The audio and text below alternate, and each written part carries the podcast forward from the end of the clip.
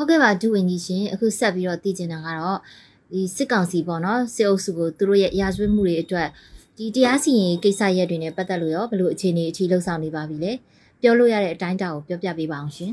ဒီစေအုပ်စုနိုင်ငံတကာတရားရုံးတွေမှာရေးနေမှုကိစ္စဒါကလည်းအမြဲတမ်းအရေးကြီးတဲ့ကိစ္စဖြစ်တယ်ပေါ့လေဒါဟာတရားမျှတမှုနဲ့ဒါတာဝန်ယူမှုတောင်းခံမှုပေါ့လေ justice နဲ့ accountability နဲ့ပတ်သက်ပြီးတော့ဒါဆောင်ရွက်ရတာဖြစ်တဲ့တောင်ဒါသိအရေးကြီးတဲ့ကိစ္စဖြစ်တယ်အခုဆိုရင်တည်တဲ့အတိုင်းပဲဒီလူမျိုးတို့တပ်ဖြတ်မှုလို့ လူသားမျိုးနဲ့ပေါ်ကျူးလွန်တဲ့ရာဇဝတ်မှုတွေပေါ့နော်နောက်ကဒီစစ်ရာဇဝတ်မှုတွေကိုဒါစေအုပ်စုအနေနဲ့ပြောင်းပြောင်းတင်းတင်းမဲ့သူတို့ကျူးလွန်ခဲ့တာတွေကျူးလွန်နေဆဲပေါ့ဒီကိစ္စတွေရှိတယ်အဲ့တော့ဒါတွေကိုဟိုနိုင်ငံတကာတရားရုံးတွေပေါ့ ICC ICJ နောက်တစ်ခါဒီအပြည်ပြည်ဆိုင်ရာတရားစီရင်မှုအခွင့်အာဏာပေါ့ Universal Jurisdiction ကိုအသုံးပြုပြီးတော့ရေးယူနိုင်မှုကိစ္စဒါတွေကိုလည်းကျွန်တော်တို့ဆက်လက်ပြီးတော့စ조사ဆောင်ရွက်ရှိတယ်အဲ့တော့အဲ့ဒီလုပ်ငန်းတွေကတော့သိတဲ့အတိုင်းပဲအချိန်ကတော့တော်တော်ယူပါတယ်အဲ့တော့အချိန်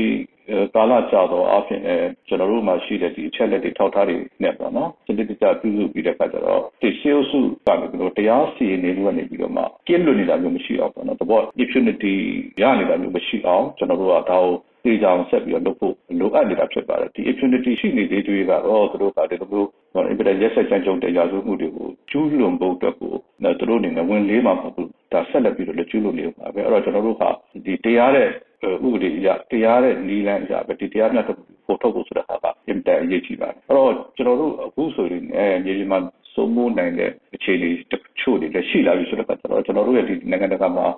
တရားစွဲဆိုရေးနေတဲ့ကိစ္စတွေနဲ့မြေပြင်ကိစ္စတွေလည်းဆက်ဆက်ပြီးတော့ဆောင်ရွက်ဖို့လည်းလိုပါတယ်အဲအရင်တော့ကျွန်တော်တို့ကဒီပြည်တွင်းမှာရှိတဲ့တရားစီရင်ရေးကိုလုံးဝအသုံးပြုလို့မရတဲ့အတွက်ကြောင့်ကျွန်တော်တို့နိုင်ငံတကာတရားစီရင်မှုကိစ္စတွေကိုပို့ပြီးတော့အားကိုးလာတာဖြစ်တယ် ဒါပေမဲ့ပြည်တွင်းမှာလည်းကျွန်တော်တို့ရေးနိုင်တဲ့အခြေအနေတွေတရားဆွဲဆိုနိုင်တဲ့အခြေအနေတွေပေါ်ပေါက်လာပြီဆိုတော့တပြိုင်နက်ကျွန်တော်တို့ပြည်တွင်းရဲ့တရားစီရင်ရေးနဲ့အသုံးပြုပြီးတော့ဆက်လက်ပြီးရေးယူဆောင်ရွက်မှုကိုလည်းစ조사ဆောင်ရွက်သွားမှာဖြစ်ပါတယ်အဲ့တော့အဲ့ဒီလိုမျိုးနိုင်ငံတကာရဲ့တရားစီရင်မှုရန်ရာတွေကိုအသုံးပြုတဲ့အခါမှာတော့နိုင်ငံတကာဥပဒေပညာရှင်တွေနိုင်ငံတကာဥပဒေအဖွဲ့အစည်းတွေပေါ့နော်အဲသူတို့ရဲ့အကူအညီဆောင်ရွက်မှုတွေလည်းရှိတယ်အဲသူတို့မှတကယ်နာမည်ကြီးပေါ့နော်အကျိုးဆောင်ကြီးတွေအကျိုးဆောင်အဖွဲ့ကြီးတွေနဲ့ဆက်လက်ညှိနှိုင်းဆောင်ရွက်ပြီးတော့ကျွန်တော်တို့တိကျမှာပြီးတော့တရားယူရချက်ပတ်ပြီးလုပ်ရတာလည်းရှိတယ်အဲ့ဒီလိုလုပ်တဲ့အခါမှာလည်းကျွန်တော်တို့နိုင်ငံရေးဝန်ကြီးဌာနအနေနဲ့ကဒီလူ့ quyền ဝန်ကြီးဌာနတို့တရားရေးဝန်ကြီးဌာနတို့ပြည်ထောင်ဝန်ကြီးဌာနစသဖြင့်ပေါ့နော်ဒီလိုဝန်ကြီးဌာနတွေနဲ့လည်းချိတ်ဆက်ညှိနှိုင်းပြီးတော့ဆောင်ရွက်ရတာဖြစ်ပါတယ်ဥပမာပြင်ကျွန်တော်တို့ဒီ ICC ပေါ့နော်ဆိုလို့ရှိရင်ဒါ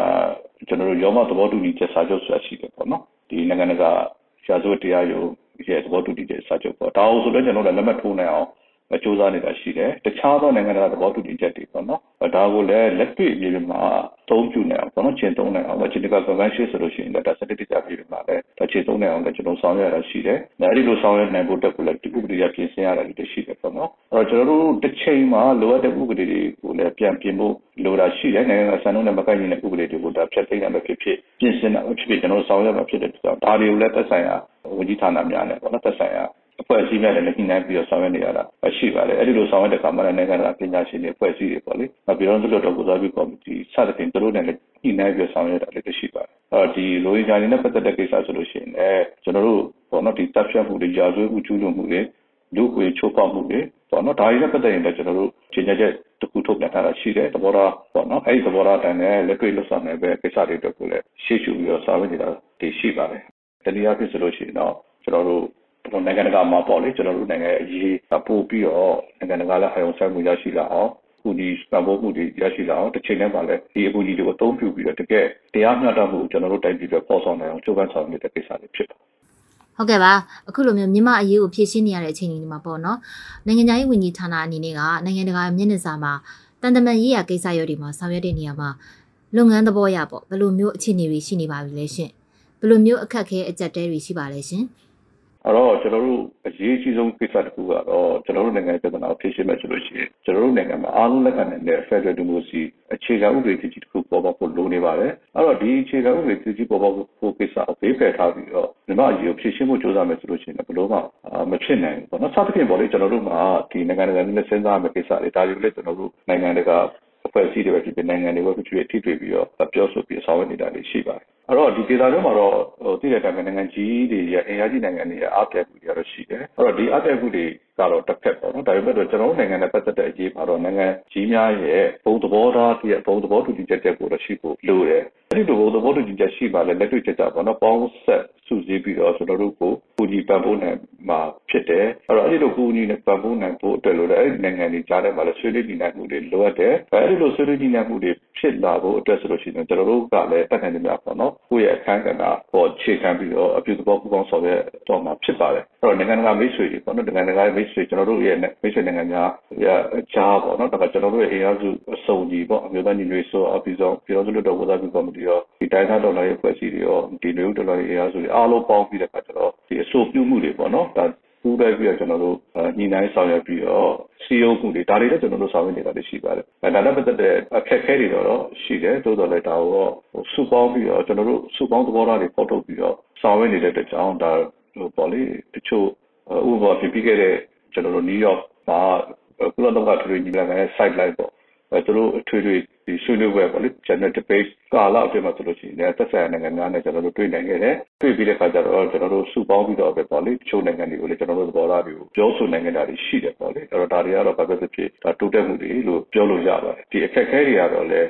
ရှိပါတယ်အခက်အခဲတွေဆိုတဲ့ဟာကပြည့်တဲ့တိုင်ပဲအခုကျွန်တော်တို့ကနိုင်ငံတကာမှာဆောင်ရွက်နေတဲ့အချိန်မှာပဲရုရှားနဲ့ယူကရိန်းစစ်ပွဲဖြစ်ပေါ်လာတဲ့အခါမှာနိုင်ငံတကာအာရုံကလည်းဒီအဲ့ဒီစစ်ပွဲပွဲပူရောက်တဲ့အခါကျတော့ကျွန်တော်တို့ဘက်ကိုအာရုံစိုက်မှုနဲ့တဲ့ကိစ္စတွေဖြစ်လာတယ်အဲနောက်တစ်ခါကျွန်တော်တို့ဒေသတွေမှာလည်းဒီပြိုင်ဆိုင်မှုတွေပေါ့နော်ဒေသတွေမှာရှုပ်အင်အားကြီးနိုင်ငံများရဲ့တင်းမာမှုတွေပေါ်ပေါက်လာတဲ့အခါကျတော့ကျွန်တော်တို့နိုင်ငံအရေးကိုပေါ်တော့အယုံဆက်ကူကနည်းနည်းကျော်နေတော့တို့ဖြစ်တဲ့ကိစ္စမျိုးတွေရှိတယ်စသဖြင့်ဒီလိုမျိုးနိုင်ငံတကာရဲ့နိုင်ငံရေးခင်းချင်းအခြေအနေပေါ်မူတည်ပြီးတော့ကျွန်တော်တို့ရဲ့နိုင်ငံရဲ့အရေးကလည်းစိတ်ဝင်စားမှုအမျိုးမျိုးအတက်ကြတွေရှိတယ်ဒီပုံမှာမူတည်ပြီးကျွန်တော်တို့ကတော့ပေါ်တော့နိုင်ငံတကာရဲ့အယုံဆက်မှုရောက်အောင်ရောက်အောင်ရှိအောင်တော့တက်တဲ့နေကြကြိုးစားပြီးဆောင်ရွက်ရတာရှိပါတယ် ကျွန်တော်တို့ဒေသတွင်းနိုင်ငံတွေရဲ့အရေးကြီးမှုကျွန်တော်တို့ဒေသတွင်းဆိုတာအထူးသဖြင့်ကျွန်တော်တို့ရဲ့ပတ်ဝန်းကျင်အိန္ဒိယနိုင်ငံတွေနဲ့လည်းလက်ရှိအဖြစ်တက်နေတဲ့နဲ့ကျွန်တော်တို့ထိတွေ့ပြီးတော့ဒါဆက်သွယ်ရရှိအောင်လုပ်ပြီးတော့နောက်ကျွန်တော်တို့ရဲ့သဘောထားတွေကိုသိရှိအောင်ကြိုးစားဆောင်ရွက်နေတာလည်းရှိတယ်ဒါနဲ့ပတ်သက်ပြီးတော့လည်းဒီဘက်နောက်ပိုင်းမှာဆိုရင်တော်လေးအောင်မြင်တယ်လို့ပြောလို့ရတယ် type တဲ့နဲ့ဆက်သွယ်ဆောင်ရွက်မှုတွေရလာတယ်လို့လည်းပြောလို့ရပါတယ်ဟုတ်ကဲ့ပါလက်ရှိအချိန်ထိပေါ့သက်ဆိုင်ရာနိုင်ငံအလိုက် NUG အစိုးရကိုယ်စားလှယ်ရုံးတွေပေါ့ဗန်နေရုံးအထိ ဖွင့်လှစ်ထားနိုင်ပါပြီလေနောက်ပြီးတော့သက်ဆိုင်ရာနိုင်ငံလိုက်ပေါ့မြန်မာနိုင်ငံသားတွေနေထိုင်ခွင့်ဗီဇာနဲ့ဗီဇာတသန်းတိုးတာတွေ passport စာအုပ်လုပ်တာမျိုးတွေပေါ့အဲ့နေရာတွေမှာအခက်အခဲရှိနေတယ်လို့ဆိုနေကြတဲ့အပေါ်မှာပေါ့ရောဟို NUG အစိုးရအနေနဲ့ဘယ်လိုမျိုးတွေကူညီပေးသွားဖို့ရှိမလဲရှင်အဲ့တော့ဒီနိုင်ငံတကာမှာလည်းကျွန်တော်တို့အနေနဲ့နိုင်ငံရဲ့ကိုယ်တိုင်ကဖန်နေတဲ့တချို့နိုင်ငံတွေမှာမတော့အမဂျပန်တို့ကိုရီးယားတို့ UK တို့နော်ဝေးပြင်သစ်ချက်နိုင်ငံ ဩစတြေးလျနိုင်ငံစသဖြင့်ဒီနိုင်ငံတွေမှာဆိုလို့ရှိရင်လည်းကျွန်တော်တို့ကိုယ်တိုင်တွေခံထားနိုင်တယ်ရုံးခန်းတွေလည်းဖွင့်လှစ်နိုင်ဖွင့်နေနိုင်တယ်ပေါ့နော်တချို့နိုင်ငံတွေမှာတော့ကျွန်တော်တို့ကိုယ်တိုင်ခံထားနိုင်တဲ့အနေအထားတော့မရှိသေးဘူးသို့တော်လည်းကျွန်တော်တို့အဲ့ဒီမှာရှိတဲ့ဒီ UGCR based support group တွေပေါ့လေဒီထောက်ပံ့အားပေးတဲ့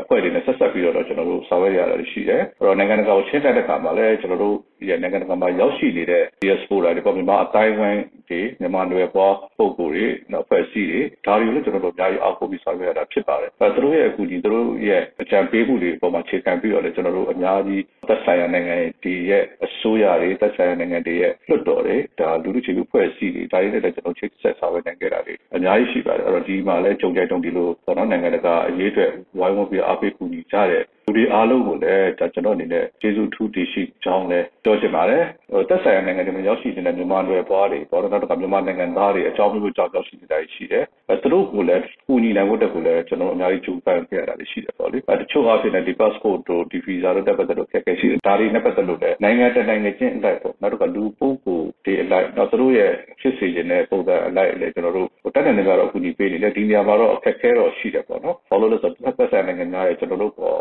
ရေးချိန်ပေါ့တိမှတ်ပြမှုအနေထားပေါ်လိုက်ပြီးတော့နိုင်ငံတကာနိုင်ငံချင်းလိုက်ကျွန်တော်ဆက်ဆံဆောင်ရွက်ရတာပြီးတော့ရှိတဲ့အတွက်ကြောင့်ချို့ကြက်ကြဲလည်းရှိတယ်ဒါပေမဲ့လို့တချို့လည်းလက်တွေ့ဖြစ်ကြကျွန်တော်တို့အခုညီပေးနိုင်တာတွေလည်းအများကြီးရှိခဲ့တယ်ပေါ့လေအဲ့တော့ဒါတွေကတော့ကျွန်တော်တို့အနေနဲ့ကျွန်တော်တို့မှာအရင်းမြစ်ပေါ်မူတည်ပြီးတော့ရှိတဲ့အခြေအနေပေါ့ရှိတဲ့အနေအထားပေါ်မှာခြေခံပြီးတော့တက်နေတဲ့အခုညီပံ့ပိုးဆောင်ရွက်ခဲ့တာတွေဖြစ်ပါတယ် ဟုတ်ကဲ့ပါဒုဝေကြီးရှင်ဒီຫນွေဥတော်လည်းရေးအောင်မြင်ဖို့ဆိုလို့ရှိရင်နိုင်ငံရေးဝန်ကြီးဌာနအနေနဲ့ပေါ့နော်ပြည်သူကိုပါခြင်းတဲ့သတင်းစကားရှိရင်လည်းဒီနေရာကနေပြောပြပေးပါအောင်ရှင် ဆက်လက်ပြီးတော့လည်းပေါ်လို့ကျွန်တော်တို့အနေနဲ့ကတော့လက်ရှိမြေပြင်မှာဖြစ်ပေါ်နေတဲ့အခြေအနေတွေပေါ်မှာမူတည်ပြီးတော့ကျွန်တော်တို့အမျိုးသားညီညွတ်ရေးဆိုရရဲ့အခြားသောဝန်ကြီးဌာနများနဲ့လည်းပူးပေါင်းပြီးတော့ပြီးတော့နိုင်ငံတကာမှာရှိတဲ့ကျွန်တော်တို့ရဲ့မိတ်ဆွေများနိုင်ငံအဖွဲ့အစည်းများပေါ်နိုင်ငံတော်မှာရှိတဲ့ကျွန်တော်တို့ရဲ့မြန်မာနွယ်ဖွားနိုင်ငံသားများစသဖြင့်အားလုံးရဲ့အကူအညီနဲ့ကြိုးပမ်းပြီးတော့ဆက်ပြီးတော့ဆောင်ရွက်တော့မှာဖြစ်ပါတယ်။အားလုံးကလည်းဘာလို့ကူညီပေးဖို့လဲဒီနေ့ကနေကျွန်တော်မြတ်တာရက်ခံတော့ပါတယ်။အားလုံးကျေးဇူးတင်ပါတယ်ခင်ဗျာ။